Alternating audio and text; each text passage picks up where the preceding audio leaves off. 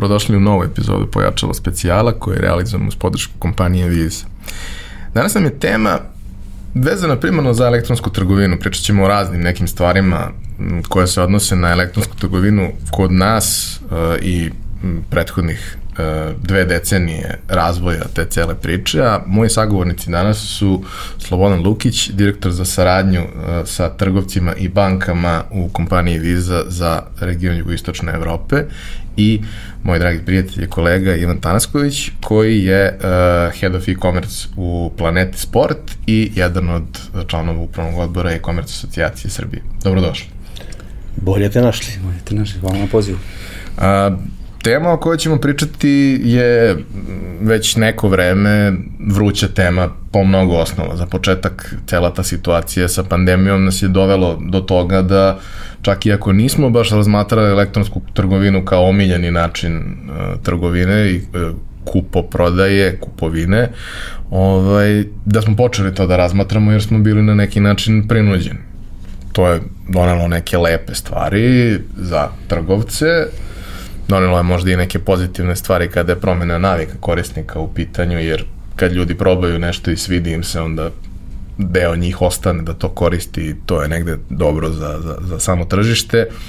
Ali, ajde da krenemo od toga šta je bilo pre, jer to je jedan skok koji je anomalija u odnosu na, na neko običajno uh, stanje stvari. Tako da, uh, Slobo, kakva je bila situacija sa, sa elektronskom trgovinom u prethodnim godinama? Uh, rast je negde iz godinu u godinu postoje, o tome se često pričalo, ali u apsolutnim ciframa to nije baš delovalo sjajno. Tako je izgledalo na prvi pogled. Uh, ja bih se malo vratio, da kažem, u, u par, pa, par godina, da, kažem, da ne kažem desetina godina unazad. E, naravno, svetski lideri, ajde da kažemo, su eBay i Amazon, koji su, negde da kažem već danas, postale sistemske kompanije, od nekih malih kompanija koje su bile bukvalno e, preduzetničke, e, nastali su ogromni svetski konglomerati, bez kojih danas ne bismo mogli da zamislimo da postoji e-trgovina i prosto oni imaju ogroman uticaj na ono što se događa globalno. Uh, mi smo, da kažem, region, pa i naša zemlja, uh, za, uz zaostatku od starta, nekih par godina, i onaj prvobitni rast koji je kod njih postojao, kod nas je usledio nakon određenog niza godina, Uh, ono što mi svi pamtimo to je da negde u pravom, ajde da kažem, smislu reči e-trgovine, kada je u pitanju Srbija, možemo uzeti sredinu prve dekade 2000 godina, znači 2005. 6. godina, uh, kada je, čini mi se, prva platforma koja je imala neki vid internet uh, prodaje bio Limundo. A, nakon njega su se pojavili neki drugi uh, slični portali koji su radili nešto slično na tu temu, tipa kupujem, prodajem i tako dalje. I to je neki prvi početak.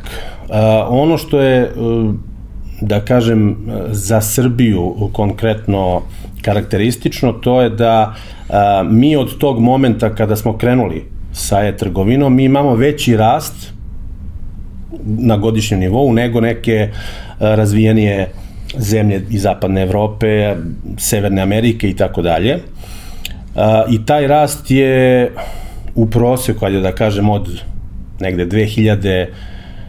13. godine, možda i nešto malo ranije, 11. recimo, ovaj, iznosio preko 20% godišnje u proseku.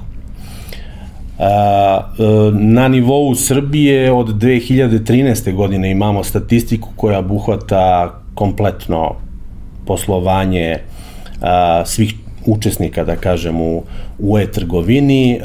U okviru kompanije Visa mi smo imali i ranije tu statistiku, međutim, ta statistika ne može da bude kompletna, jer moramo prosto obuhvatiti sve kanale prodaje, sve učesnike na tržištu da bismo imali kompletnu sliku i to imamo do 2013. zahvaljujući izveštajima Narodne banke Srbije i regulativi koja je od te godine počela da prepoznaje uh, značaj da kažem, e-trgovine i njen uticaj na, na trgovinu ukupno. A, kada je u pitanju, ajde da kažemo, neke, neke brojke, recimo, ovaj, a, 2013. broj transakcija u e-trgovini je iznosio nešto malo manje od 200.000 a, što jeste malo u datom momentu. Međutim, 2019. to je već došlo na nivo od 7 miliona transakcija. A, mi smo danas negde, ajde da kažem, prema podacima Eurostata, na nivou zemalja kao što su a, Italija, a, Malta, Turska, gde u principu nešto malo više od 40% naših građana, preciznije rečeno 44% naših građana je kupovalo online. Znači kupilo je neki proizvod, uslugu, šta god, putem mreže. Mislim da je to dobar pokazatelj i za budućnost. Mi ćemo naravno kasnije, prepostavljam, pričati o budućnosti, ali ono što je sigurno, da kažem, karakteristično za naše tržište, to je da imamo veliki rast, koji je iznosio kao što sam rekao, oko 20% ili više prosečno godišnje do pandemije.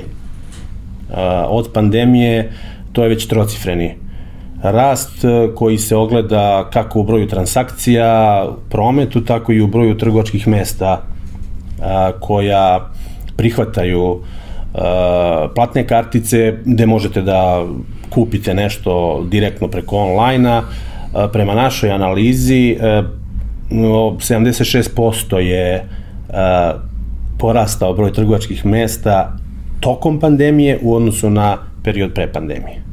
Ja, to je impresivno i to je bilo potrebno ispratiti adekvatnom infrastrukturom i svim ostalim Absolutno. što je svakako u tom periodu bio veliki izazov. Ali ajde kad se već bavimo tim postavljanjem stvari na svoje mesto od starta, odnosno istorijom, kako su se stvari razvijele. Uh, Ivane, ti si, ja često volim da kažem, veteran. Mislim, mi se znamo 20 godina, pa ti si veteran u toj priči, bio si deo uh, raznih zanimljivih razvojnih priča koje se tiču elektronske trgovine kod nas.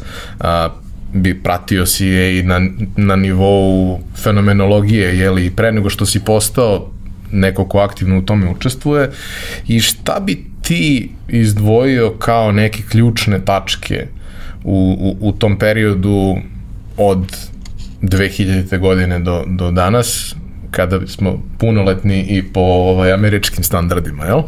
Ovaj, šta su bile neke ključne tačke, neke ključni trenuci za razvoj elektronske trgovine u, u, u, u Srbiji i kad su se desili? Ok, velik, e, dug period. Hvala na lepoj najavi. Kao što naš ovaj, zajednički prijatelj Marko Ilić voli da kaže, ovaj, ne osjećam se kao veteran, nego kao pionir. Ovaj, volio bih da, da podvučem i to. Ovaj, svakako slažem se, mene, ovaj, kažemo, hobi odveo tu i doveo od ovde i stvarno volim ovaj, ovim što se bavim i bilo, nekako mi je sad iz ove tačke gledišta kad pomeneš 20 godina unazad, E, mnogo mi je drago što sam učestvovao u svemu tome. Čini mi se da mnogo bolje razumem i tržište i tehnologije i ova unapređenja. Nisam, da kažemo, nešto preskočio, osim što nas je malo ili nekoliko godina pogurala pandemija sam. Vidi, ja moram da ti kažem samo jednu stvar, pošto ja volim tako s vremena na vreme da, da, da razbijem ovaj, atmosferu. Ako misliš da je 20 godina mnogo, Mijatov penal je bio pre 23, a svi se sećamo kao da je bio juče. Tako da to je što se mene tiče sve prošlo za dve godine. I boli nas kao da je bio juče. Boli nas kao da je bio juče, još se verovatno trese ona prečka. Tako da nije to toliko davno bilo. I nismo mi toliko matori koliko kad pogledamo krštenicu deluje. A, vreme je brzo proteklo, tako da smatram da je bilo veoma dinamično i zanimljivo. A, da se vratim konkretno na pitanje, a, 2000. godina je obeležena možda u Evropskoj uniji obeležena sa jednom direktivom koja je pokrila zakon u e-komercu u Evropskoj uniji. E, kasnije se naš zakon naslonio na to koji je 2009 prvi zakon izašao o elektronskoj trgovini u Srbiji. Taj zakon je menjan dva puta 2013. i 2019. što smatram jako bitnim da kažemo pravnim regulativa je kao smo malo prepričali, ta infrastruktura mora da se da se postavi na početku. Kao što je Sloba pomenuo, a, 2005. godina je, na primjer, prvi da kažemo, prvi izveštaj Zavoda za statistiku gde se pominje elektronska trgovina i ono što je interesantno da u tom izveštaju po tadašnjim, da kažem, anketama 88,4% ljudi nikad nije kupilo na internetu, a u poslednjem izveštaju za 2019. je bilo 44,3%. Tako da i tu se vidi taj, taj trend koji je, naravno, pandemija mnogo pomogla, ali uh, očekujem da će naredni izveštaj da bude taj procenat mnogo, mnogo manji, zato što će uključiti i period tokom uh, godine de, koja je bila pandemija. A, 2013. takođe bitna, Narodna banka na, inicijativu, na inicijativu Narodne banke poslovne banke počinju da šalju podatke o kartičarskim transakcijama i samim tim smo sada u mogućnosti da napravimo analizu koju je takođe Slobo pomenuo, koja je jako bitna iz da kažemo velikim broja razloga, možemo da konačno stavimo i uh, pošto mi ljudi kao iz, iz e-commerce imamo tu možda i profesionalnu deformaciju da sve gledamo kroz brojeve, ovoga puta možemo i vrednost tržišta da pogledamo kroz brojeve i može neka procena da se, da se napravi, ne kažem da će biti ovaj, 100% precizna, ali neće biti pogrešna svakako, a svi znamo da učešće kartica u, u Srbiji raste, Znadamo se da će taj procenat iz godine u godinu nastaviti taj trend, tako da ćemo imati sve čistiju tu, čistiju tu sliku. A, ključnih stavki, ne bih voleo da stavljam pandemiju, na ključne stavke koje su uticale na, na, na sam uh, unapređenje e-komerca, ali svakako je moramo staviti zato što je to neki indirektni, ovaj, to što se desilo stvarno je unapredilo celo tržište za nekih 3 do 5 godina, a možda najviše unapredilo mindset ljudi. Da ljudi iz, u glavi sami razumeju koliko je, koliko je komerc, odnosno internet trgovina jednostavna, koliko ima prednosti i slično. A, bilo je dosta projekata, a, da kažemo, u zadnjih 20 godina koji su bili pioniri. Neki od njih su bili, a, više ne rade, možda su bili ispred svog vremena, dosta projekata je bilo, ovaj, da kažemo, vezano za plaćanja i tu ima možda i najviše pomaka u poslednjih 15 godina. Jedan od projekata je, na primjer, PostFin, Pošte Srbije, imamo zakon o elektronskoj, o elektronskom novcu, kod nas isto donešen, instant plaćanja i QR plaćanja Narodne banke Srbije takođe su pomerile tu lesicu gore I evo sada možda poslednjih godina dana se pojavljuju sistem integratori kao još jedan benefit i za merchanta, odnosno za prodavce i za kupce.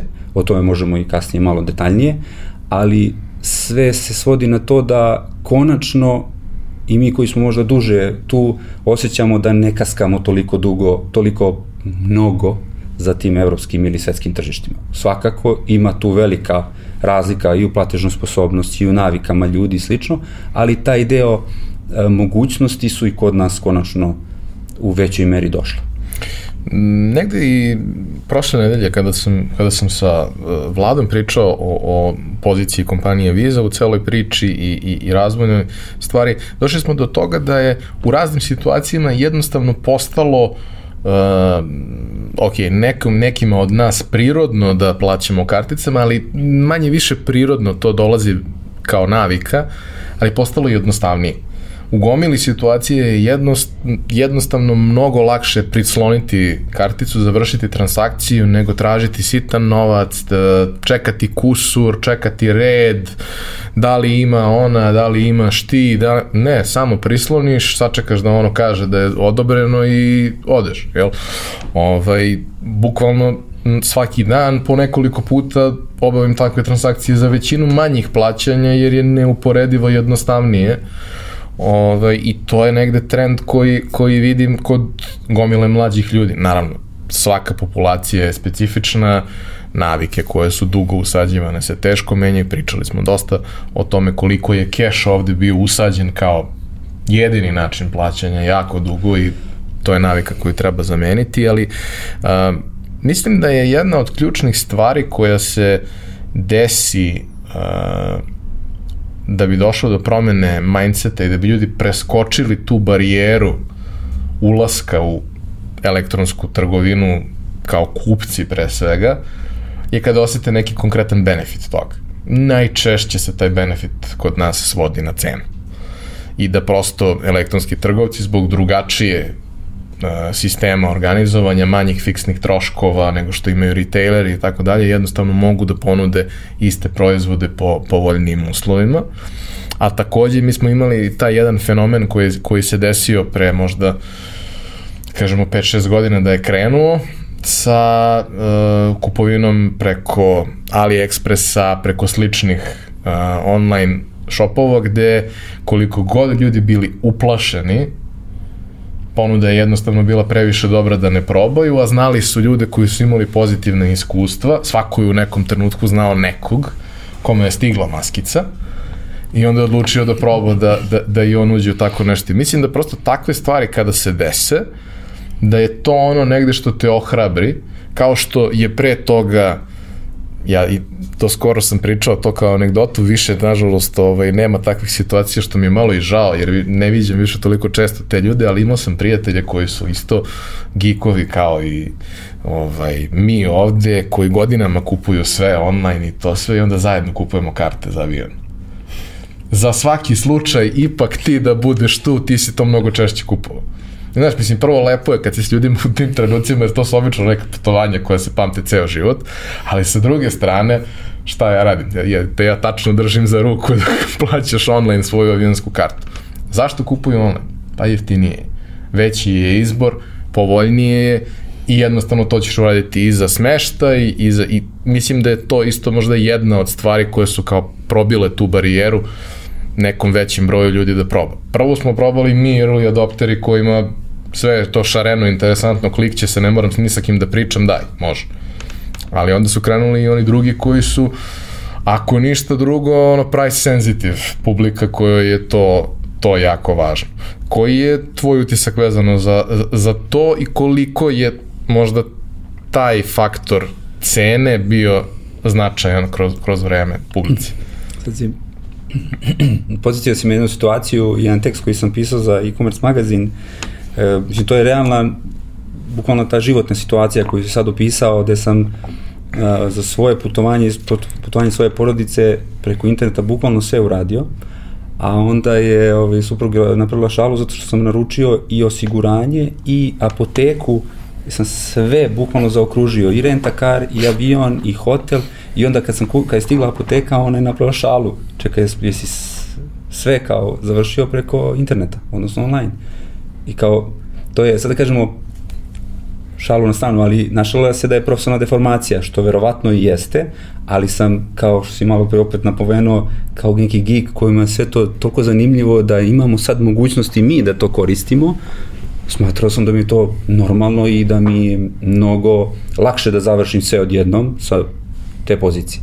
Tako da, da se vratim na pitanje, svakako se slažem, cena naj, ima najveću, pa ne mogu da kažem najveći taj efekat, ali se pojavljuju još neki faktori koji mogu doprinijeti tome, kao brza dostava, na primer, kao sigurnost, veliki problem uh, trgovaca, ali možda je pre, prejak reč problem, ali svakako problem izazov. Uh, da, izazov, nova reč, nova, veliki izazov za trgovce i za kupce je ta sigurnost uh, internet kupovine. Ono što bih želeo da se uh, da način razmišljanja i možda više mediji, e, da posmatramo elektronsku trgovinu, da ne gledamo kroz pojedinačne neke loše slučajeve koje su se desile, e, ne bih da ih pominjem i da dam dodatne ovaj, dodatne ovaj, da kažemo reklamu istim, jer se jedno vreme ono triglava do Đevđe, je svaki medij je pričao o tim nekim lošim iskustvima. Mogli smo kuću da sagradimo od cigala koje se najčešće nisu desile. Nažalost, takve, takve, takvi pojedinačni loši slučajevi su uticali da, da prekriju ove dobre rezultate. A ovaj, stvarno kad pogledamo brojeve, baš smo za e-commerce asocijaciju Srbije uradili analizu za prošlu godinu i to su jako ozbiljne cifre koje je i Slobodan neki od njih je pomenuo malo pre, to su ozbiljne količine i e, transakcija i novca, znači i u vrednostnom i u broju i onda te pojedinačne transakcije ili loše iskustva će da utiču loše na celu na celo, na celo tržište. Uh, kupac, kao kupac, svi smo mi kupci i možemo lako da se stavimo u poziciju kupaca. Cena, da bude brza dostava, da bude sigurna. Ono što ja ovaj, volim da istaknem da online kupac danas uh, čak ima i neke ovaj, da kažemo prednosti više nego offline kupac da ima tu zaštitu ako kupuje od legalnih kompanija, da ima zaštitu od 14 dana zakonski, da može da robu vrati, naravno da roba nije korišćena ili oštećena, ima mogućnost da vrati u bilo na sad zavisnosti od trgovca, moram da se ogradim, ali evo primjer, na primjer mi u Planeti smo to skoro implementirali, Planeti Sport, da kupac koji kupi na webu ima mogućnost da robu vrati poštom, ali isto tako može da vrati u Planeta Sport radnju. E sad, kod Planet Sport je to specifično zato što mi imamo 96 prodavnica u 55 gradova Srbije. I onda kupac dobije tu mogućnost da vrlo verovatno ima u svom gradu radnju i može da odnese i da... Može ili, u bilo koju radnju da vrati. U bilo koju radnju može da vrati i da ako radnja ima neki drugi broj ili model može da zameni, može da vrati, jednostavno nova će mu biti refundiran i slično. Znači to su neki benefiti koji daju kupcima jako veliku sigurnost da neće dobiti neki drugi proizvod s jedne strane ili da taj proizvod ako nije odgovarajući može da zameni. Znači daje mu sigurnost da će ta njegova transakcija stvarno biti obrađena na pravi način i da će on dobiti je tako pravu uslugu za svoj novac. Da, može ta priča da ide i dalje. Ovaj, Ima tu jedan trenutak ovaj, kada, kao jedna od barijera koju je trebalo probiti je uh, dati ljudima mogućnost da uh, iskuse proizvod. To je vrlo teško online. Kada kupuješ jabuke, kupuješ nešto sa slike, kada kupuješ čips, taj čips je isti, znaš sigurno da je isti, ali kad kupuješ garderobu, uvek je problem što moraš da probaš, kada kupuješ cipele, uvek je problem što moraš da probaš, kada kupuješ možda tehniku, to je obično malo veća investicija i za veću investiciju ti je vrlo važno i da ti to osetiš pod rukom, mada naši ljudi vole i hleb da osete pod rukom, ali to je druga sa tema. Ovaj, ali da, kad kupuješ laptop, kada kupuješ neki kućni uređaj, to jeste veliki problem. Ja znam da smo, kada smo radili neka istraživanja na nekim malim uzorcima, da je bilo dosta često da ljudi zapravo dođu u radnju da vide da li im to odgovara, vrate se kući i onda naruče online. Da iskuse na taj način proizvod, jer prosto postoji strah, ali i dalje benefiti online niža cena, besplatna dostava, mogućnost često, mi smo recimo to koristili, to je nama bilo bitno, možda platiš karticom prilikom isporuke. Da ne moram da, da plaćam cashom, još ako je preko računa firme, onda mi je najjednostavnije da platim biznis karticom prilikom isporuke dobijem svoju fakturu i ne boli me glava. To je, to je ono nekako, to su sve neke ono bolne tačke koje identifikuješ vremenom i onda jednu po jednu pokušavaš negde da, da adresiraš i rešiš onoliko koliko možeš. A, pandemija. Div, divna reč. A još lepši događaj.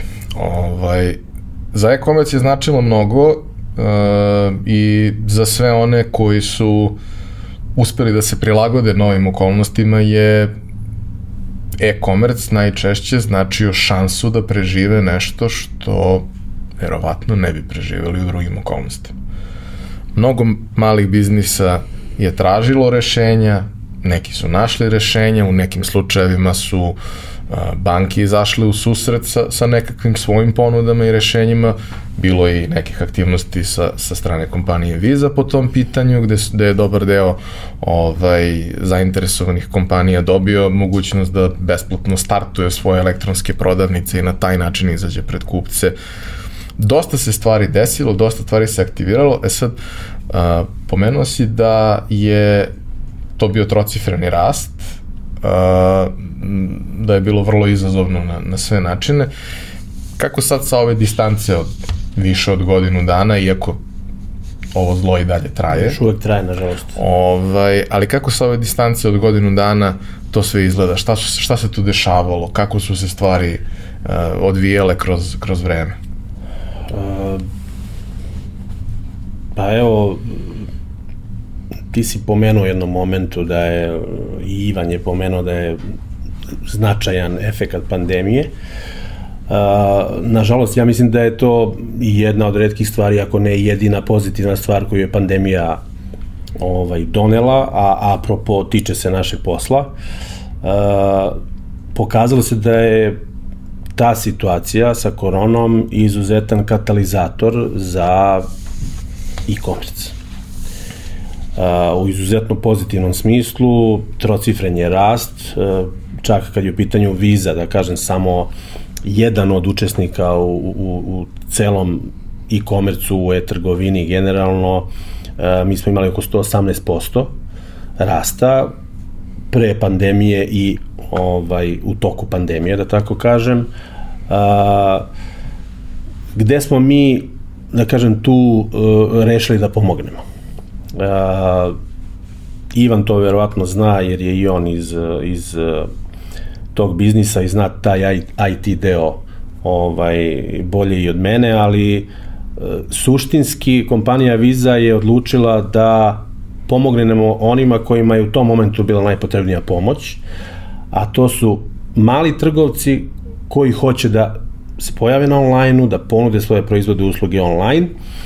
A, mi smo imali jedan, da kažem, niz aktivnosti povodom toga. Uh, ono što bih ja istakao ovom prilikom to su uh, aktivnosti koje smo imali sa Banka Intezom i Raiffeisen bankom, uh, gde smo praktično uh, nudili besplatnu implementaciju uh, web shopa uh, u, u, saradnju sa uh, vendorima koji rade sa, sa bankama, naravno.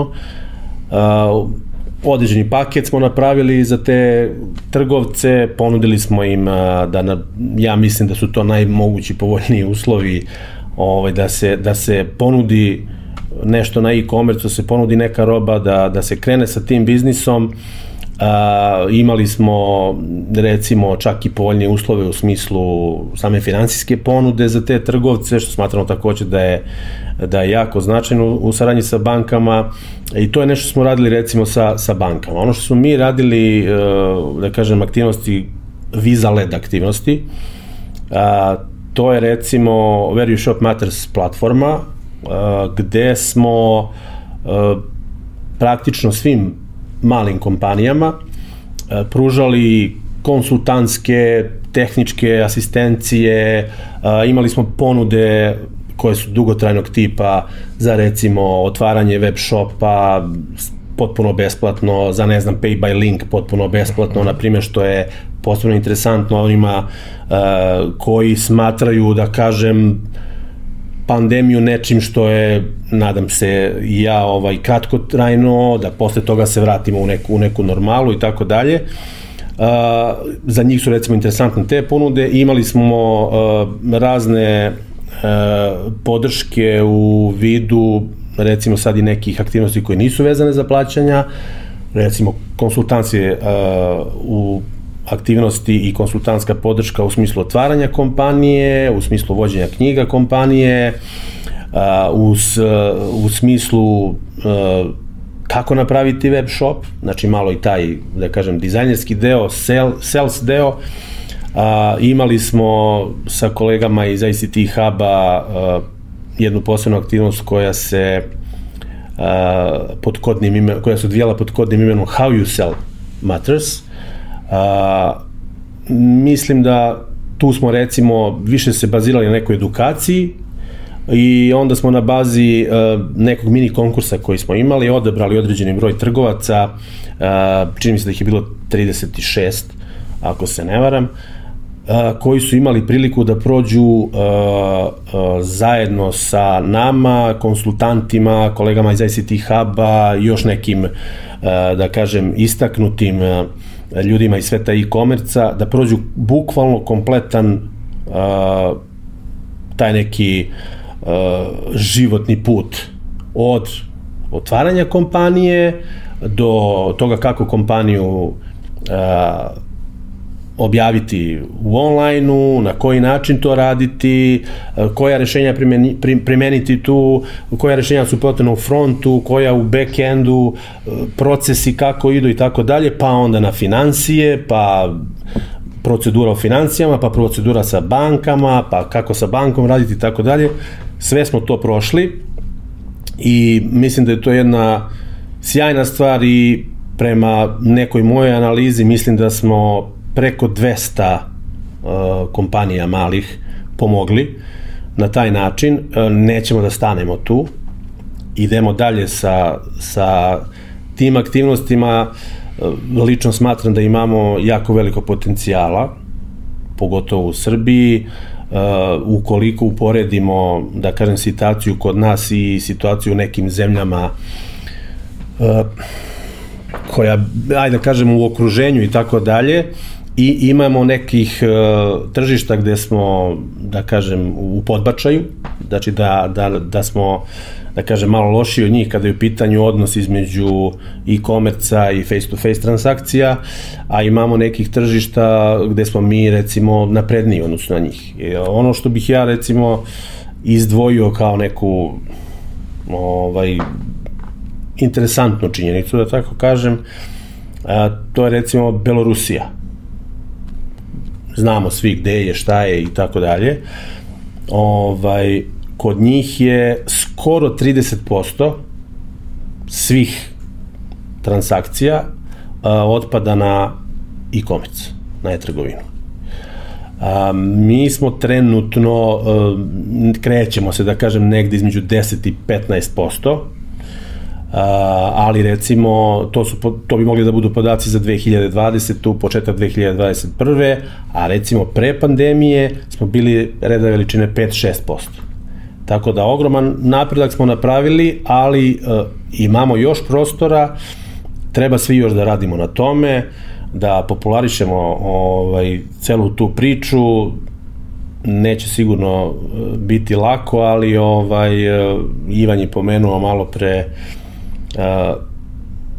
prosto bezgotovinski način plaćanja je nešto što, što je budućnost. A, ja sam pomenuo Belorusiju, da sad ne pominjem, ne znam, Severnu Evropu i tako dalje, da je praktično keš u izumiranju. A, kod nas nije još uvek takva situacija i dalje još dosta veći, značajno veći deo transakcija se obavlja ovaj, putem keša, ali polako se ta situacija menja. Uh, ti si u jednom momentu pomenuo ovaj, plaćanje beskontaktno i tako dalje. Tri stvari su tu, da kažem, najbitnije. To je brzina, korisničko iskustvo i sigurnost plaćanja. I to je ono što moramo da shvatimo kad je bezgotovinsko plaćanje u pitanju, to, je, to su prednosti, osnovne prednosti bezgotovinskog plaćanja. Uh, da li je u pitanju kartica, da li je, ne znam, uh, QR kod u pitanju i tako dalje, ali to su neke prednosti jer uh, sigurno je brže nego dok izvadim iz novčanika, dok prebrojimo, dok vratimo kusur. Uh, sigurno je meni kao korisniku zanimljivije i lepše, znači korisničko iskustvo ne može da bude jednostavnije od toga da približim samo ruku nečemu i to je bukvalno pola sekunde da se plati. Uh, I treća stvar je sigurnost. Uh, ukoliko nešto nije u redu, ja u svakom slučaju mogu da reklamiram to preko banke, direktno sa, sa trgovcem takođe mogu da, da podignemo ovaj, reklamaciju. I to su glavne prednosti bezgotovinskog plaćanja. Uh, gde je e-commerce nešto što se idealno nadovezuje na celu tu priču i ovaj, ogroman je potencijal tu stvarno sigurnost sa tog aspekta definitivno, ali i taj moment da tokom pandemije ovaj, kada se svi dezinfikujemo sedam puta dnevno i otprilike ono više nemamo otiske prstiju, e, sama činjenica da ne moramo da se diramo kad razmenjujemo novac i da ne moramo da diramo novac koji najčešće jeste najprljavija stvar s kojom smo u kontaktu, po prirodi stvari, ne mislim samo moralno, nego i bukvalno. Ovaj, mislim da je i to negde bila vrlo značajna stvar kod ljudi. Takođe, ono što, što si pomenuo, a što se i meni, uh, iako ne znam statistiku, ali znam korisnički ugao svega, čini da je postalo mnogo dostupnije nego što je bilo, je da ja zapravo sada manje više svuda mogu da platim karticom. Stvari koje sam znao da ne mogu do sada da platim karticom. Kad idem na trafiku, nema kartice. Trafika je keš. E, sad je i trafika kartica. Sad je i gomila drugih mesta na kojima to možda ne očekuješ uvek, nešto gde možeš da dobiješ tu vrstu usluge. Ima i dalje slučajeva gde recimo po defaultu prilikom isporuke paketa ne možeš da platiš, ali ti neke, neke službe nude mogućnost da naglasiš da želiš to i onda imaš tu mogućnost što prosto je convenient, tako ništa drugo. Mm -hmm. Znaš, Sigurno. ako sam naručio paket suplemenata, ovaj, to obično bude veliko i prilično skupo, kao, nemam kod sebe toliko keša, jednostavno nemam, a i on verovatno kao dostavljač nema da mi vrati sve što treba da mi vrati. Ok, častit ću, ja sam taj što časti uvek, ovaj, ali kao, znaš, post, prosto postoji niz problema koje možemo vrlo jednostavno da rešimo. Ali to onda podrazumeva da uh, i banke i svi uh, retaileri i svi distributeri i tako dalje podrže tu priču time što će imati dovoljan broj uređaja, što će imati svest o tome da da je to ljudima značajno, da im je potrebno i dati tu vrstu mogućnosti. Kako je, pominjao si 78% rasta, uh, broja 76, 76 uh, broja mesta Jest. na kojima je moguće kako je to bilo prosto tvoj posao je saradnja sa trgovcima i saradnja sa bankama uh, u trenutku pandemije sve je blokirano. Svi smo blokirani, uvoz je nemoguć, sve je komplikovano, a kako rešiš taj problem?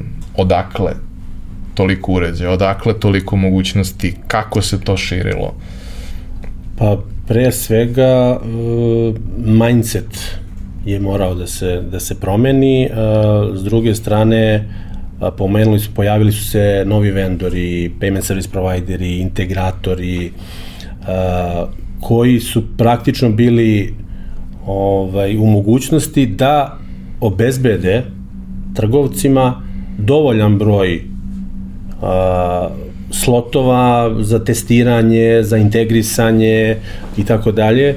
Konkretno neki servis provideri s kojima sam ja bio u kontaktu su zaposlili dodatne ljude, angaž, neki su čak angažovali ljudi iz inostranstva recimo, s obzirom da se radi o poslu koji je moguće raditi od kuće putem onlajna, isprogramirati nešto, izdizajnirati nešto nije bio problem. S bankama smo razgovarali na tu temu, negde smo uspeli da uradimo nešto, pa smo nekim bankama e, konsultativno pomogli da naprave određena rešenja koja dozvoljavaju e, ugovaranje online uz određene provere i tako dalje. Taj deo naravno mora biti usklađen sa regulativom. Tako da određeni broj banaka je omogućio to putem svojih sajtova, kad su fizička lica isto u pitanju, koja ovde nama danas nisu toliko tema, ali ovaj, moram i to da pomenem da i za fizička lica je određeni broj banaka dozvolio takve uslove da ste vi mogli da odradite online bukvalno sve.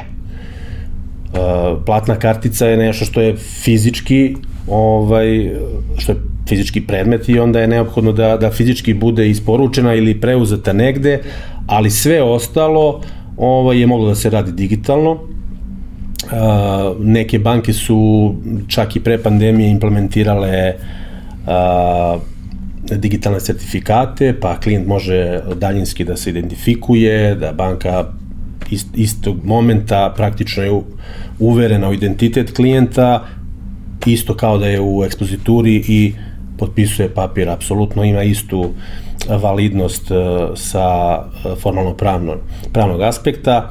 E, tako da su to neke taktičke aktivnosti koje smo preduzimali. Naravno, bio je veliki atak, ali ja mislim da Niko nije ostao uskraćen ukoliko je hteo saradnju. E, pomenuo sam više od 200 malih kompanija smo pomogli i učestvovali u njihovom izlasku na net, omogućavanju prodaje na netu, e, priključili ih e-trgovini, jer rast od 76%, kao što smo rekli, u, u broju e-prodavnica je nešto što, bar onoliko prema mojim saznanjima iz kompanije u kojoj ja radim, ne postoji ni na jednom tržištu. Čak i za vreme pandemije.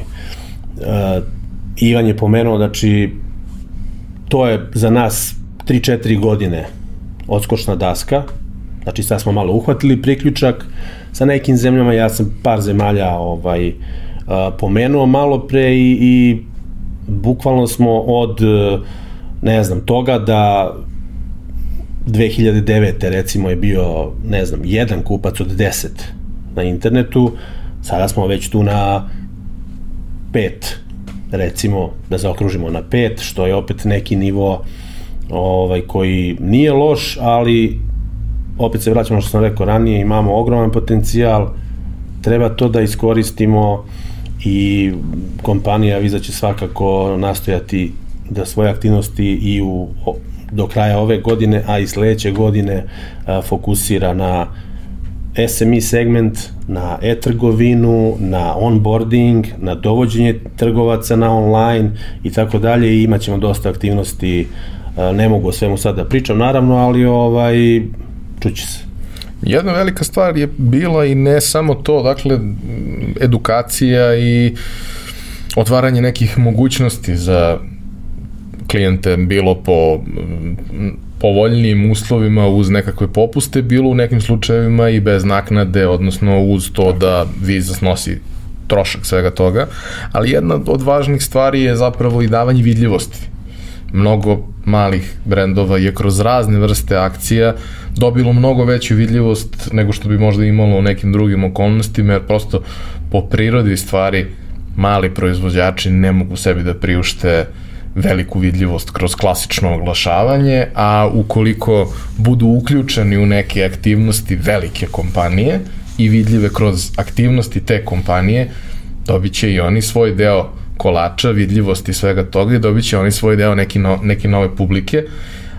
A i ne samo to, dobit će i to neko poverenje i mm, to je neki, e, da kažemo, pečat validnosti koji dolazi uz to da te jedan takav partner mnogo veći od tebe prepozna i kaže, e, ovi ljudi su super.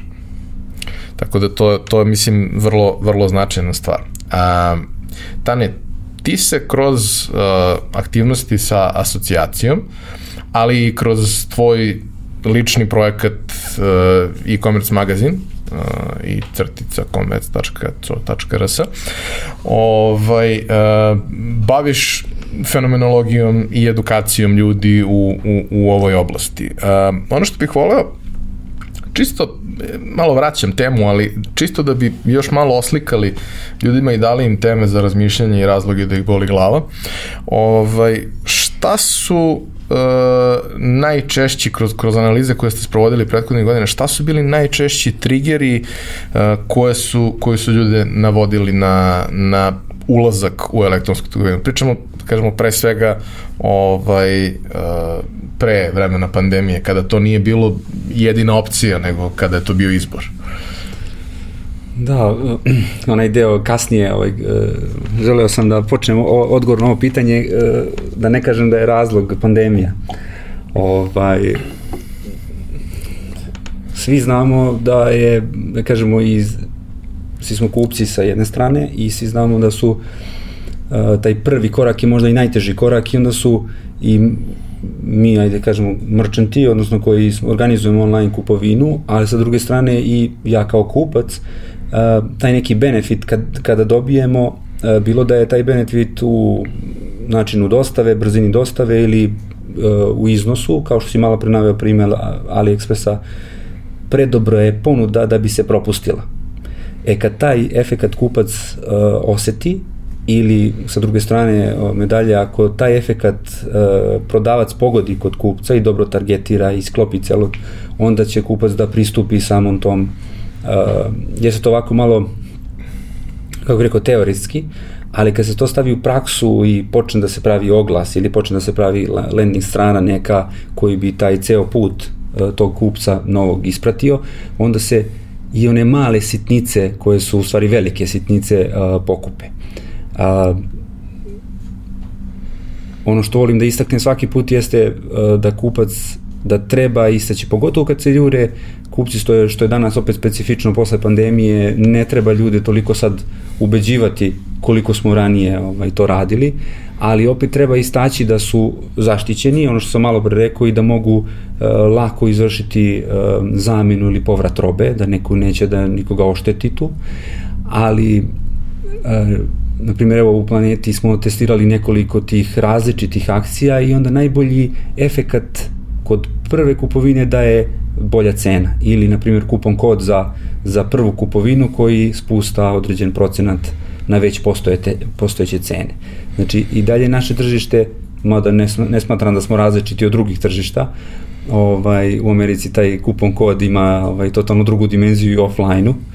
Da, da. da. A, ali isto tako smatram da to treba da evoluira u nešto mnogo ozbiljnije. Da li to kroz neki storytelling i neku malo lepšu priču, a, da i merchantima nije cilj da non stop daju popuste, makoliko to kao ja, kao kupac volim, kao i svi kupci volim da platim nešto povoljnije, ali sa strane biznisa to nije dobra praksa. Znači, ako naviknemo kupce na popuste, to može kasnije da bude veliki problem i može biznis da zavisi od toga. Tako da tu treba ključ je naći balans i naći koji još benefit kupcu može da se ponudi, a da ima efekat dobar. Znači da li je to brza dostava, uh, svi smo svedoci da se i ta dostava dosta promenila, tako da i nekim, neke prodavnice danas i nude i uh, dostavu dva sata na teritoriji, da kažemo, grada Beograda ili većih gradova trenutno. I kao korisnik ja sam odmah testirao tu uslugu i moram priznati da je korisničko iskustvo mene koji sam jako dugo u tome bilo izvanredno. Znači oni su napravili nešto što je bilo dostupno, samo su spojili dve ili tri tačkice. Nema ništa lepše nego kad si geek i držiš onaj telefon i vidiš čovečuljka koji se kreće na mapi. Nije važno da li se on stvarno kreće tu, da ja to ne znam. Ali je predvidljivo kad će da dođe i ja imam iskustvo koje je mnogo bolje nego što je bilo. Mislim, još od ono prvog iskustva pre x godina sa Uberom kad vidiš automobilčić koji dolazi i ti si srećan zato što ima automobilčić koji je tvoj za tebe i nekoga je negde napravio da dođe tu zbog tebe. Vizualno, vizualno izgleda lepo, a pomenuo je Slobo Amazon i ove velike igrače, pomenuo si ti jako dobar primer za, za probanje robe, što je isto i Amazon i, i ovaj jedan ruski veliki projekat Big Lion napravio, da ti možeš da poručiš uh, obuću ili odeću i da te dostava sačeka da probaš što je, seri, da kažemo, neki upgrade koji će nas čekati sigurno u narednom periodu, iako je sad možda nezamislivo da, da, da ga ne vidimo kod nas trenutno, ali je to neki možda je samo logistički problem koji je jako uh, može da bude rešiv ukoliko ima naravno ovaj finansijskog interesa. Je da, tako da, dosta ali, se na tome radi i se. na polju postoje razli zanimljivi primjeri i Varbi Parker i generalno proizvođači kažemo okvira za, za, za naočare što jeste jedna od onih stvari koju koliko god neko napravio dobru aplikaciju i stavio ti virtualno te naočare na glavu dok ih stvarno ne staviš ti ne znaš kako to izgleda i kao taj, taj model koji kaže uh, izaberi pet komada mi ti pošaljemo pet komada, ti uzmeš one koje ti se sviđaju, ostale vratiš i okay. to je to. I naravno, to sve ima svoje ekonomsko opravdanje na tržištima gde je platežna moć mnogo veća, mi možda ne možemo baš to tako da očekujemo ovde, ali e, čini mi se da postaje sve značajnija stvar u jednom periodu smo se bavili time da što više korisnika onboardujemo. Da za prvu kupovinu dobiješ maksimalan benefit da bi probao, računajući pa dobro, probao si, kupit ćeš još neki put, verovatno. Mailing liste, Viber poruke, svaki dan stigne nešto, svaki dan stigne neka akcija od nekog, već to postalo onako blago traumatično iskustvo. ali sad mi se čini da sve češće kod nas retaileri rade stvari koje su na polju zlatni standard, a to je negovanje odnosa sa kupcima kroz vreme, odnosno uh, razumevanje toga da uh, je jako skupo prvi put dovesti nekoga, ali ako taj neko provede tu, obavi 10 kupovina, onda je to jako jeftino, ali da je izazov kako da kupi drugi, kako da kupi treći, kako da kupi peti put, ako ne možeš svaki put da ideš isključivo sa dumpingom kao, kao jedinim scenarijom. Uh, šta si ti primetio da, da se kod nas dešava po tom pitanju, da kažemo, negovanja korisničkog iskustva kroz vreme? Pa ono što treba navesti kao jako bitno, možda podvući par puta, jeste da ta, uh, baš izvući ću iz konteksta to što si rekao, um, svi se bave tim prvim kupovinama i svi se potrude da mu daju neki popust kupcu ili neki benefit, ali tu nestaje priča. Tu priča sva zapravo počinje. Ta akvizicija koju si rekao je neophodna za početak i to svi znamo, ne možemo da radimo retenciju, zadržavanje i da pravimo tu analizu ako nemamo kupce. Ali akvizicija bez zadržavanja nema, gubi, gubi svaki smisao. Na tržištu Srbije moram priznati da se, ajde kažemo, pomerili smo se sa, sa te neke mrtve tačke koja je tapkala u mestu duži niz godina. A, da li je to koji su razlozi, verovatno iz delatnosti do delatnosti možemo nabrati, nabrojati više razloga.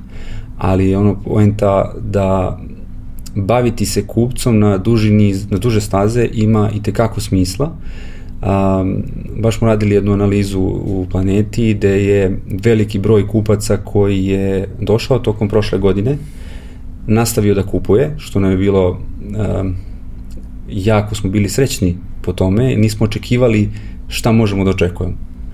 A, trend, a, na primjer, sportski aparel nije nešto kao, kao hrana što se kupuje svakodnevno, nego tačno imaš sezone, tačno imaš, da kažemo, periode godine kada ti nešto treba, tako da ne kupuješ svakodnevno i imaš, da kažemo, neku procenu koliko ljudi mogu da kupe ili treba da kupe a, godišnje.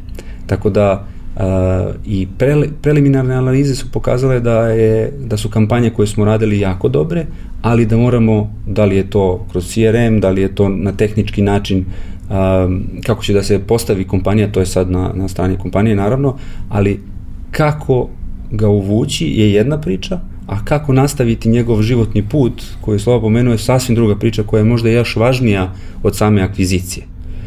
Uh, ono što bih takođe podvukao jeste da treba da iskoristimo ovaj period uh, zato što je akvizicija u Srbiji dalje jako povoljna poređenju sa drugim tržištima uh, i možda je to jedan od razloga zašto retaileri ili e-commerce eh, merchanti u Srbiji se dalje najviše posvećuju akviziciji zato što je mnogo lakše uh, non stop akvarirati nove, ali u suštini tržište je ograničeno i u broju ljudi, nismo mnogo veliko tržište i onda ispadne da svaki put krademo jednim drugima kupce od sezone do sezone i to ako endless ili pointless, nema nekog velikog smisla, odnosno velikog rasta ali čim počne kompanija da se bavi bazom i da se bavi korisnicima, onda pokušava da tu akviziciju, ok, ona je kontinuirana i stabilna i treba non stop da ima, ali ovi ljudi koji su tu, što više saznamo od njima, imaćemo mnogo veću verovatnoću uh, naredne kupovine sa mnogo manje uloženog novca i vremena. To jeste negde uh, ono što mi se čini da da je ključno da, uh, u e-komercu uh, možeš na jednostavan način da saznaš dovoljno parametara o svom kupcu da možeš da mu ponudiš personalizovanu ponudu koja za njega ima više smisla. Možda ne znaš previše podataka o toj osobi, zavisi ko šta hoće da ostavi, ko šta želi da sakuplja, ali za početak ako znaš koja je veličina patika, a imaš patike koje su slične i na akciji, ako mu pošalješ to, daš mu incentiv da to uradi, vrlo verovatno ćeš se osloboditi lagera na taj način, posebno kada imaš veliku bazu i možeš to da radiš kroz segmentaciju i personalizaciju mnogo pametnije nego što je nekad bio slučaj kada, kažemo, tela, cijele aktivnosti tog tipa su krenule na onaj glupi način gde šalješ sve isto svima. I to je bolje nego ništa, jer opet daješ neku informaciju, ali ako mi daješ onu informaciju koja mi treba, ako mi daješ onu informaciju koja se odnosi na mene, pa vrlo verovatno mi daješ informaciju koja je za mene bolje i kvalitetnije i vrlo verovatno će taj procenat onih koji se odluče, procenat konverzije, biti bolji nego u slučaju kada pucamo isto ka svima, pa šta se desi. Tako je, tako je. Ne, jedan od boljih primjera, ja sam često navodio ovaj, je Booking, na primjer, koji je otišao toliko daleko da je oni, da kažemo, ja sam jedan od miliona korisnika koji oni imaju, ali samo gledaju šta sam kupovao, odnosno šta sam gledao, a nisam kupio. I onda je bio test e, da napravi sa inkognito onog moda, čisto da ne, da ti ne pokupi ovaj prethodni istori, napraviš nalog na bookingu sa nekim novim mailom i posetiš tri lokacije. U roku 24 sata oni šalju ponudu za samo tre, tri lokacije, samo za tebe 5% off na onu postojeću cenu. I to je zlatni standard. Znači da su oni videli na broju ljudi, na njihovoj bazi da to daje prodajne rezultate. Ne pričamo više o open rate-u, koliko ljudi kliknulo, koliko je moju ponudu videlo. Znači e-commerce ima tu ključnu u samom tom, da kažemo, rutu razliku od bilo kakvog brandinga. Znači, ne gledamo šta su videli, koliko su ljudi gledali, to je lepo i super, ali živimo od prodaje. I još nešto u e-commerce, pogotovo robnom, da razdvojimo ovaj, poručbinu od, od same prodaje. Pošto tek kad kupac primi robu, onda mi gledamo da je, da je ta roba prodata ili milion razloga može da se desi ili uslova da on nije preuzeo, da je odustao i slično. Tako da to ima jako veliku dubinu i kad se stavi stvarno sa ovim metrikama koju si ko, e, sa metrikama i sa tehnologijom koju si pomenuo, to stvarno je jedna ozbiljna, ozbiljna priča, ozbiljna računica stoji iza toga. I ništa to nije, da kažemo, kako bi rekao, na pamet prošlo evropsko prvenstvo i ja sam gledao jednu utakmicu i gledao AliExpress, gde je on meni a, sugerisao da kupim dres reprezentacije Jugoslavije iz 97. godine. U tom trenutku, jer nisam pretraživao zaista. Ali neverovatno dokle, dokle to može da ide. Slučajno nije sigurno. Nije slučajno i sigurno nisi gledao ponovo Mijatov penal. Jer ovaj, niko, niko ne želi ponovo da preživi to. Jel? A, pričali smo prošle nedelje o tome koliko je zapravo a, kompanija Visa postala tehnološka kompanija između ostalog i koliko se zapravo bavi inovacijama koliko je to važno da u jednom vrlo na, staromodnom biznisu u svojoj osnovi postoji neko ko tehnologijom i rešenjima koja su napredna, posebno danas gde svi u džepu imamo vrlo moćne uređaje koji rade hiljadu i jednu stvar, ovaj, nalazimo neka rešenja kako to možemo da iskoristimo i druge stvari koje su nam dostupne da kroz to uh, servisiramo i druge potrebe, posebno poslovne potrebe. Uh, šta su, znam da, da, da ne možeš da otkrivaš sve, naravno i nije uvek sve ni izvesno da će se desiti iako postoji neka namera, ali šta možeš da nam najaviš za, za naredni period, a, a da se tiče a, inovacija koje će biti zanimljive za, za trgovci i kupce ovde?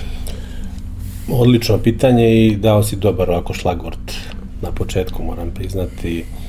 O, kompanija je, ne mogu da kažem da je konstantno u nekom procesu transformacije, a, ali se prilagođava tržištu, a, iako je veliki sistem, a, pokušavamo da odgovorimo zahtevima klijenata. Naši klijenti su i banke, i trgovci, i servis provajderi, tako da nije, nije to lako, velike su razlike na globalnom nivou i u stepenu razvoja i u tehnologijama, u regulativi, sve to treba negde pomiriti na kraju krajeva, ali ono što je definitivno to je da proces digitalizacije je nešto što je krenulo, to više ne može da se zaustavi. kako u domenu plaćanja, tako i u domenu e-komerca i u ostalim, da kažem, branšama vidimo da se polako to o, kreće na bolje. Iz moje lične perspektive ja mislim da je to sjajna stvar. E, mislim da e, sve inicijative koje meni, koji sam na kraju krajeva kao i na, kao i vas dvojica ovaj, kupac i nečiji klijent i ovaj nekome targetira nekim kampanjama i tako dalje. Meni to lično je super stvar. Ja hoću da imam uh, dobar user experience, da imam da moje korisničko iskustvo bude uh, jednostavno. Lično sam spreman da platim i nešto više ako je, ako je to ovaj neophodno, uh, ali recimo evo Ivan je pomenuo da se probaju cipele, patike, šta god, nebitno. Recimo, ako, ako će to da košta ovaj, nešto više... A da ja nemam glavobolju? Tako je. Ja sam spreman da to poručim, da probam, da kažem, dečko, ok je, hvala ti puno i da, nastav, da, da obavim proces kupovine do kraja. A, šta je ono što, gde mi tu, da kažem, uskačemo, gde mi e, možemo da ovaj, ubrzamo tu celu priču, a, jeste upravo u tom segmentu plaćanja. A, I evo, opet da se vratim na probanje tih patika, a, nešto što je da kažem, a ti si to pomenuo u prethodnoj ovaj u prethodnim komentarima i pitanjima, a, cash on delivery.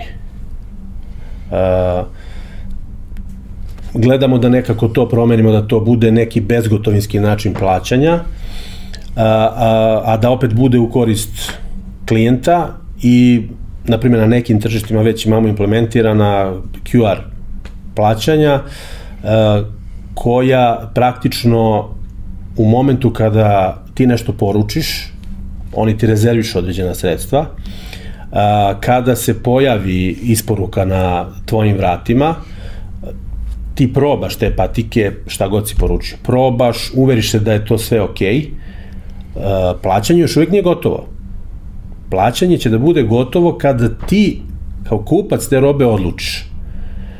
Kada si probao to sve, rešio si da ti to odgovara, ulaziš u aplikaciju, pokrećeš je, potvrđuješ da je sve ok, da hoćeš da platiš, da hoćeš da pazariš tu robu, kada ti klikneš ok, u tom momentu se tek računa da je obavljena kupovina. Ako ti klikneš na cancel i otkažeš ovaj, to, tebi će istog momenta sredstva da budu vraćena na tvoju karticu, a, kurir će preuzeti robu, vratit će robu kod trgovca i to je kraj procesa. A, to je jedan, da kažem, segment u kome se ide. Drugi segment u kome se ide a, jesu, da kažem, mobilna plaćanja, odnosno Uh, ono što, gde, gde gledamo negde da pomirimo, da kažem, i cenu koja će biti za male trgovce prihvatljiva i sam način plaćanja i sam čin plaćanja i to je servis koji se zove Tap to Phone uh, koji ja ne mogu da kažem da je revolucionaran u pravom smislu te reči, ali je svakako evolucija načina plaćanja, a to je mogućnost da trgovac prihvati tvoju karticu na svom telefonu, na svom mobilnom uređaju. Za sada je to mogućeno samo za Android uređaje. Uh, to dolazi polako u naš region, na naše tržište. Uh, mislim da ćemo uskoro imati priliku i da možda ćemo organizovati jedan podcast dodatni ovaj, da pričamo samo o, o tom servisu, ali to je nešto što dolazi, što će sigurno biti do kraja godine implementirano i kod nas u Srbiji, e, praktično je mogućnost da najmanji trgovac koji možda nije u mogućnosti da investira u neku opremu, u neki terminal i tako dalje, praktično da mu se omogući da prihvati e, platnu karticu preko svog mobilnog telefona. Za sada je to samo Android, e, u nekom momentu preposlijam da će biti ovaj, i iOS na redu. Eh, Android je malo otvoreniji u tom smislu za, za neka istraživanja, omogućavanja i tako dalje, ali to je recimo tehnologija koja je razvijena od, od strane Vize i e, SDK ovaj, je, da kažem, omogućen svima koji su zainteresovani da razvijaju takva rešenja, oni mogu da postanu Viza partneri, da preuzmu određene skripte, dokumentaciju, da uđu u, u taj posao ukoliko vide sebe u tome. Ja smatram da je to kada su u pitanju mali trgovci definitivno budućnost. Drugi, drugi, da kažem, druga medalja te priče, drugi segment te priče bi bio na koji način da ubrzamo nekoga da postane trgovac. Na tome radimo takođe sa bankama i imamo posebnu platformu koja se zove Rapid Merchant Onboarding, koja već funkcioniše u nekim zemljama, uglavnom u Aziji. Ta platforma omogućava da trgovac, odnosno preduzeće koje je već, da kažem, registrovano u APR-u, na primer, registrovano je znači od strane državnih organa, da može u roku od, pa evo da kažem, 15-20 minuta ne da bude klijent, ne da postane klijent banke, nego u roku od 15-20 minuta da prihvata kartice na svom telefonu. To je, e, da kažem, nešto što je apsolutno u, u, u skladu sa digitalizacijom, što je u skladu sa koracima koje svi na tržištu činimo, a to je da uh, smanjimo papirologiju, da izbacimo nepotrebne korake, da probamo maksimalno uh, da angažujemo sve digitalne procese, uređaje, softvere koji su na raspolaganju, a da naravno u okviru svega toga a, obezbedimo jedan proces koji je u skladu sa regulativom i koji je na kraju krajeva siguran. Kada je u pitanju sigurnost, svi znamo da kada se kupuje ovaj, na bilo koje prodavnici, da uglavnom se traže neke šifre, da nekoga malo to i frustrira, nije mu, nije mu sve jedno, kad treba sad da nađe neku šifru i tako dalje. Od pre par godina banke su polako migrirale taj takozvani static password na OTP. Uh, klijenti su krenuli da dobiju SMS-ove, poruke, notifikacije u zavisnosti od rešenja koje ima banka. Međutim, ono što je budućnost i što je, da kažem, već krenulo da se implementira i ovde kod nas u, u Srbiji i u zapadnoj Evropi, to je o, takozvana risk-based authorization uh, ili ako da kažem prevedemo na, na srpski ovaj autorizacija bez dodatne da kažem aktivnosti na strani korisnika. Koraka. Tako je. A, na osnovu nekog divnog algoritma, nekih veštačke inteligencije, tako pa, nekih upravo, predivnih upravo stvari. To, upravo to, artificial intelligence u svom, da kažem, najvećem sjaju. A, radi se o tome da sada ćemo e, poruke koje se razmenjuju u okviru sistema između trgovaca i banaka i vize, a, te poruke će biti dodatno obogaćene, sa određenim uh, podacima, da ne ulazimo sad u tehničke detalje, to može, možemo opet jedan podcast da organizujemo na tu temu, ali na bazi određenih podataka koje smo mi svesni ili nismo svesni da ih negde šerujemo sa nekim, sa trgovcem, sa vlasnikom uh, aplikacije koju koristimo i tako dalje, na bazi tih podataka uh, moći će da se u 99,9% slučajeva utvrdi da je to originalna transakcija i da tu transakciju stvarno obavlja korisnik te viza kartice. I u, tim, u takvim slučajevima neće biti neophodno unošenje OTP-a, static passworda, lozinke neke, biometrije, čega god, nego će veštačka inteligencija na bazi onoga što ti u realnosti radiš, da utvrdi koliko je ta transakcija sigurna i da li je neophodno za tu transakciju tražiti dodatnu uh, proveru od strane korisnika. Odnosno, provera će biti samo za transakcije za koje se proceni da je potrebno. Tako je. Što je mnogo manji Pa procenat. to je, prema našim istraživanjima, tih transakcija bi trebalo da bude manje od 1%. Zvuči predivno. Jako mi je drago što smo pričali o ovome. A, za sam kraj, Tane, voleo bih, iako ne verujem da mi imamo u publici takve ljude, jer ovo je podcast koji u principu prate ljudi koji su tehnološki vrlo osvešćeni, da ne kažem sad neku težu reč. Ovaj, ali za slučaj da oni imaju roditelje, recimo, ili, ili ne znam, možda i oni sami su se plašili malo više elektronske trgovine nego što bi trebalo. Uh, kako bi motivisao nekog ko nikada nije imao to iskustvo da proba? Šta bi mu rekao? Um, pa ovako, na početku ću da kažem da mi je jako drago što si to pitao, a isto, istovremeno mi je drago što je Slobo dao malo pre primer a, sa bankama koje je radila Visa, tako da bi to bio onako ekstreman primer koji trebaju druge kompanije da vide, da li su to ajde kažemo kartične šeme, banke ili drugi, druge firme u privredi, da vide kako može da se na jedan originalan način stimuliše više ključnih, je tako, igrača na, na tom jednom. To bi bio neki win-win-win win slučaj. Znači, banka dobije klijenta, kompanija koja izrađuje web shopove dobije opet klijenta, čovek koji mu treba web shop, on, on dobije rešenje, rešenje koje je, by the way, odmah spojeno na, i odmah ima mogućnost da plaća karticama online, što predstavlja onako triki biznis inače.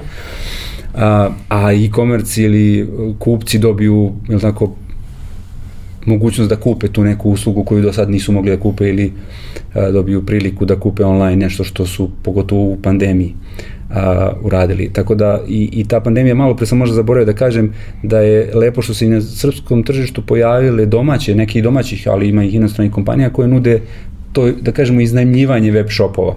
Tako da je i ta, ne, i ta neki poslednji mit uh, koji je jedno dugo važio da je e-commerce jako skup za, zbog developmenta, zbog sveg tih nepoznanica koje... Kažem da je ulaz u e-commerce jako skup.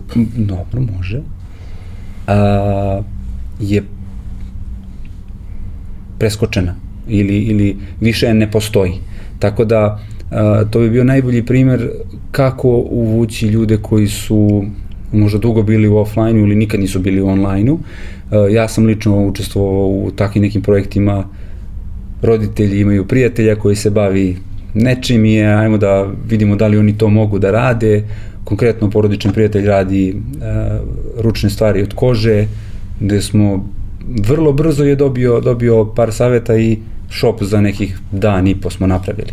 E, jako interesantno koje je bilo oduševljenje takih ljudi koji nikada nisu to koristili i shvatili su da vrlo lako oni to mogu i da uređuju. To su platforme koje su i napravljene sa, user friendly, jeste, napravljene sa tim, sa tim ovaj, Ali za kupca? Za kupca. A, lepo je osetiti na, na svojoj koži kad te pozvu roditelji koji imaju 70 plus godina i kažu ti kako ja da kupim ove makaze na limundu. Mhm. Mm ok. Za, prvo zašto? Prvo otkud ti na limundu? Otkud ti na limundu? zašto makaze sa limunda? Pa zato što koštaju 115 dinara. One makaze za šimšir, one velike ok. I ja sad dok ja objašnjavam vidim da ga, gubim ga u razgovoru dok objašnjavam kako, šta, gde. I onda uh, ti dobiješ stvarno jednu potvrdu da ti kupci, iako sad dolaziš, ne pričamo o nama i o našem nekom užoj društvu, nego pričamo o ljudima koji nemaju toliko dodira sa, sa e-komercom, dolaziš do, do potvrde da je ovaj sad period u zadnjih godinu i po dana uticao i na njih jeli, da li smo mi sad svakako kao društvo pričali mnogo više o tome, kompanije su se mnogo više angažovale da, da reklamiraju te usluge, da je to i kod tih seniora na taj način uticalo da oni hoće da kupe nešto online, što je meni bilo stvarno iznenađenje. Kod kupaca to je proces koji treba da bude kontinuiran, pričali smo malo pre o benefitima, ali je jako bitno i to sam malo pre možda rekao da ne zvuči da se ponavljam, ali je jako važno da shvate kompanije da to nestaje tu. Znači, ako ste uspeli da, da, da, da dovedete nekog novog kupca, to je najteži korak. To, Nije, ni, ostali nisu laki, ali ovo je jako težak, obzirom da je konkurencija brutalna. Boriti se za pažnju potencijalno kupca yes, sad je jako velika. Pogotovo na, na jako ograničenom našem tržištu koje je malo, a imamo, malte ne u svakoj delatnosti imamo jake konkurente. Ja ne znam sad, evo, ovo ako mi je palo na pamet da nađemo delatnost koja nema konkurenciju, što je jako teško. Tako da i to malo tržište, odnosno taj mali kolač koji ste uspeli da, da otkinete, onda se bavite njime. Vi pokušavajte da ukradete novog kupca, po znak navoda od, od konkurencije, ali isto tako ovaj mali e, mora da dobije kompletnu pažnju vaših tima, pomenuo si malo pre segmentaciju i, e, i da se taj tim rašlani, da li on kupuje evo sad Nike ili e, Adidas ili neku drugu voli trenerke ovaki ili onaki, rekao si, pomenuo si za brojeve veličine i to. Znači to je u današnje vreme sa može da se radi i bez nekih velikih alata i ovaj nekih CRM-ova ozbiljnih, ali plus ako neke kompanije imaju pristup takvim alatima, to postaje stvarno uh, ne lako, ali mnogo lakše. I po mom mišljenju taj uh, data marketing ili marketing baziran na, na brojevima će u narednom periodu već daje vrhunske rezultate preko, verovatno i znamo svi za Amazon i za te koje uopšte nemaju više, jel tako, ovaj, ljude koji nešto moraju da misle tu. Ovaj, uh, I mislim i nadam se, preshodno se nadam, da će i to doći kod nas. Da, da, Mislim da je već došlo, ali da možda nije iskorišćeno u punom potencijalu, nego da lagano odmotavamo to. To je onaj moment kad krećeš u nešto i dovoljno, dovoljno dobro radi. Pa onda svi krenu to da pa više ne radi toliko dobro, pa moraš da budeš bolji. Šta ćemo dalje? Aj. A, momci, hvala vam na, na sjajnom razgovoru. Nadam se da smo pokrili neke interesantne teme i dali ljudima razlogi da ih boli glava i narednih sedam dana i da imaju o čemu da razmišljaju. A, sve neke aktivnosti koje kompanija Visa realizuje u okviru svoje platforme za podršku uh, malom biznisu, naši slušalci mogu da nađu na linku ili na samom sajtu ovaj, kompanije Visa, na linku koji se nalazi u, u opisu našeg podcasta i generalno, bez obzira na to kada slušate ovu epizodu, da li je to odmah nakon izlaska ili kroz par meseci, pošto većina stvari koje snimamo jesu evergreen, ovaj, ispratite šta se dešava jer stalno ima novih stvarni, stalno ima novih aktivnosti koje se tu ovaj, pojavljuju i vrlo verovatno da će se s vremena na vreme pojaviti nešto što je posebno interesantno i za baš vaš konkretan slučaj, baš vaš mali biznis. Mogu da nas kontaktiraju preko preko našeg sajta, preko Instagram profila, nikakav problem nije, gledamo da izlazimo svima u susret, svi dobiju odgovor, ne postoji neko ko nije dobio odgovor od, od nas kad nas je kontaktirao, tako da eto, ovaj, i ja bih preporučio da odu da pogledaju, mislim da sad već ima dosta ponuda koje sigurno mogu da odgovaraju, bar jedna će da odgovara ovaj, nekom potencijalnom biznisu. Ako neko nečemu razmišlja ili, ili možda je već otvorio biznis, ali mu treba neki dodatni push, dodatni neki uh, ovaj, angažman, dodatna neka ideja i tako dalje. Dodatno neko rešenje na kraju dana. Tako je. Hvala još jednom, hvala vama što ste nas slušali, naredni specijal sledeća sreda, naredna redovna epizoda u nedelju kao i uvek, vidimo se.